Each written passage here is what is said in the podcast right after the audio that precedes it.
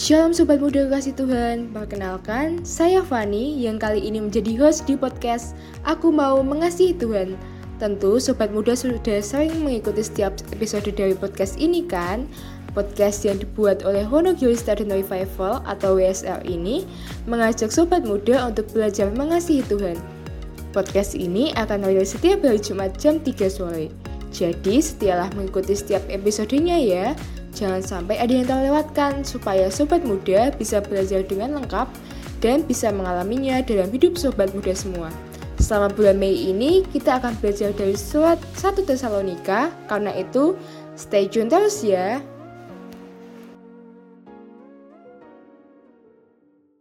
Halo Sobat Muda, podcast kali ini merupakan episode ketiga dengan topik Belajar dari Kitab 1 Tesalonika dengan judul Nasihat Hidup Kudus.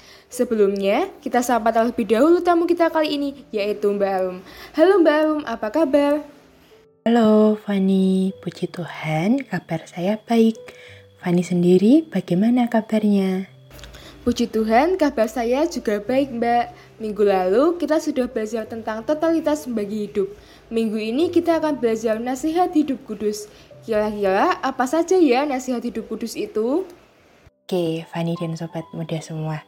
Kira-kira apa ya nasihatnya? Nah, kita akan melihat pada 1 Tesalonika 4. Seperti yang telah kita dengar di podcast dua minggu yang lalu, bagaimana Paulus itu menceritakan dirinya, berisi tentang kesaksian. Di pasal 4, kita akan melihat nasihat melalui surat yang ditulis Paulus. Paulus meminta Timotius untuk mengajar mereka atau jemaat Tesalonika lebih jauh tentang kekudusan dan kehidupan yang saleh.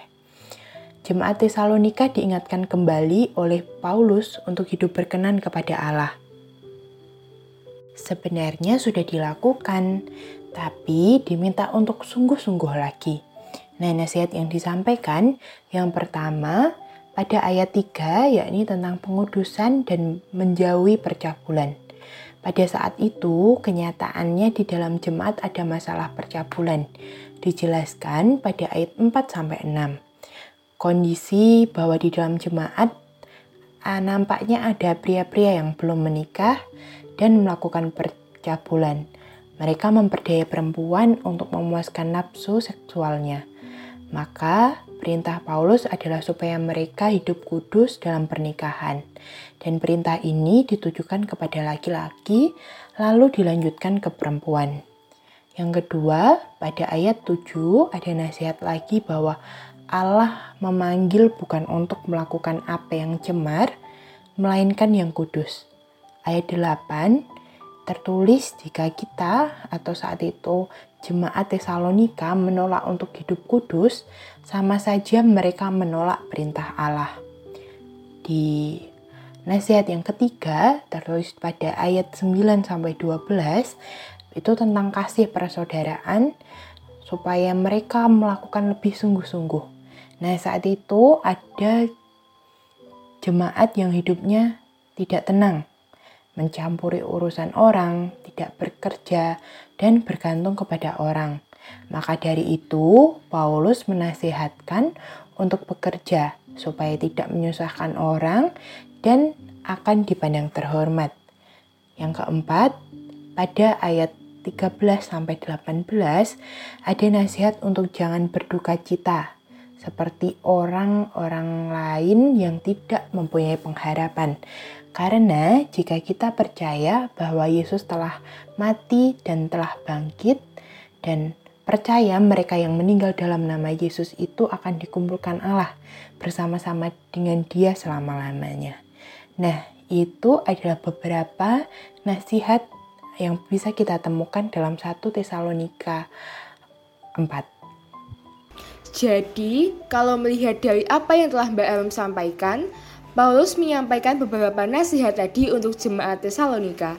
Apakah nasihat hal itu bisa terjadi saat ini? Seperti apa ya Mbak contohnya? Tentu, Fani dan sobat muda, hal yang terjadi pada jemaat Tesalonika saat itu pun juga terjadi sekarang.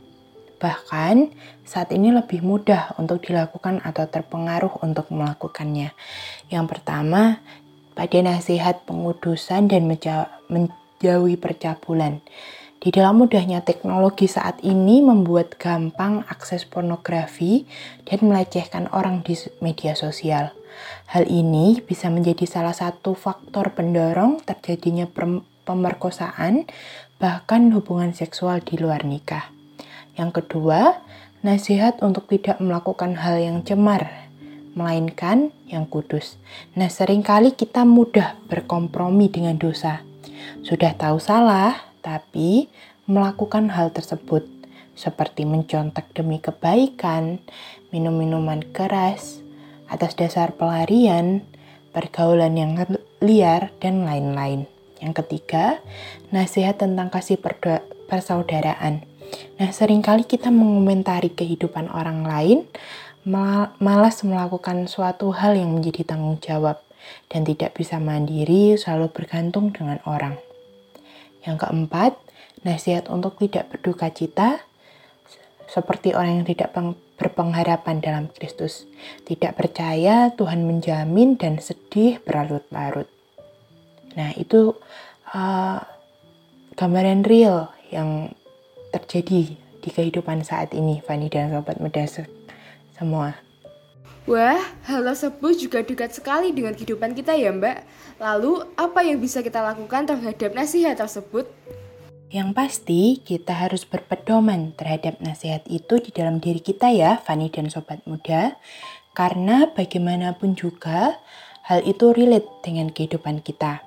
Yang paling penting, kita harus tahu bahwa ukuran hidup kudus itu berkenan kepada Allah.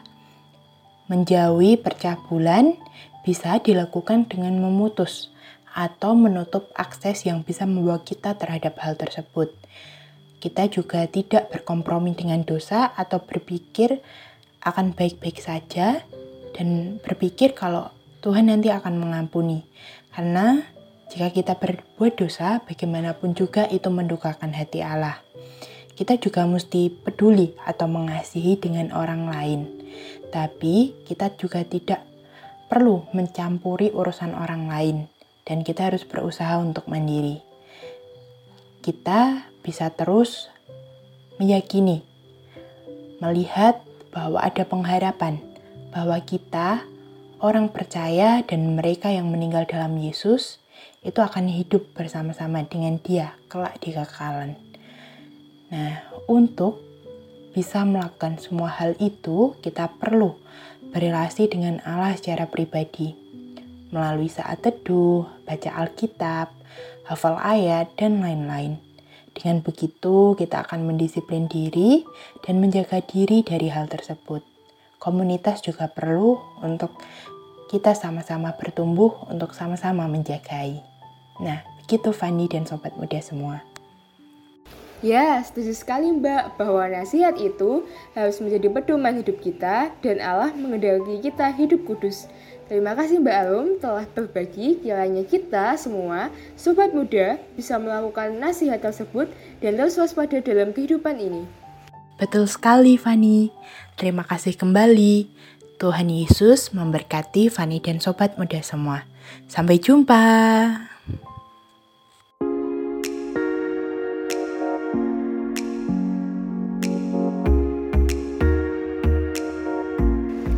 Sobat muda kasih Tuhan, senang sekali ya hari ini kita bisa memperoleh penjelasan tentang tema-tema menarik dan sangat relate untuk sobat muda semua selama satu bulan ke depan.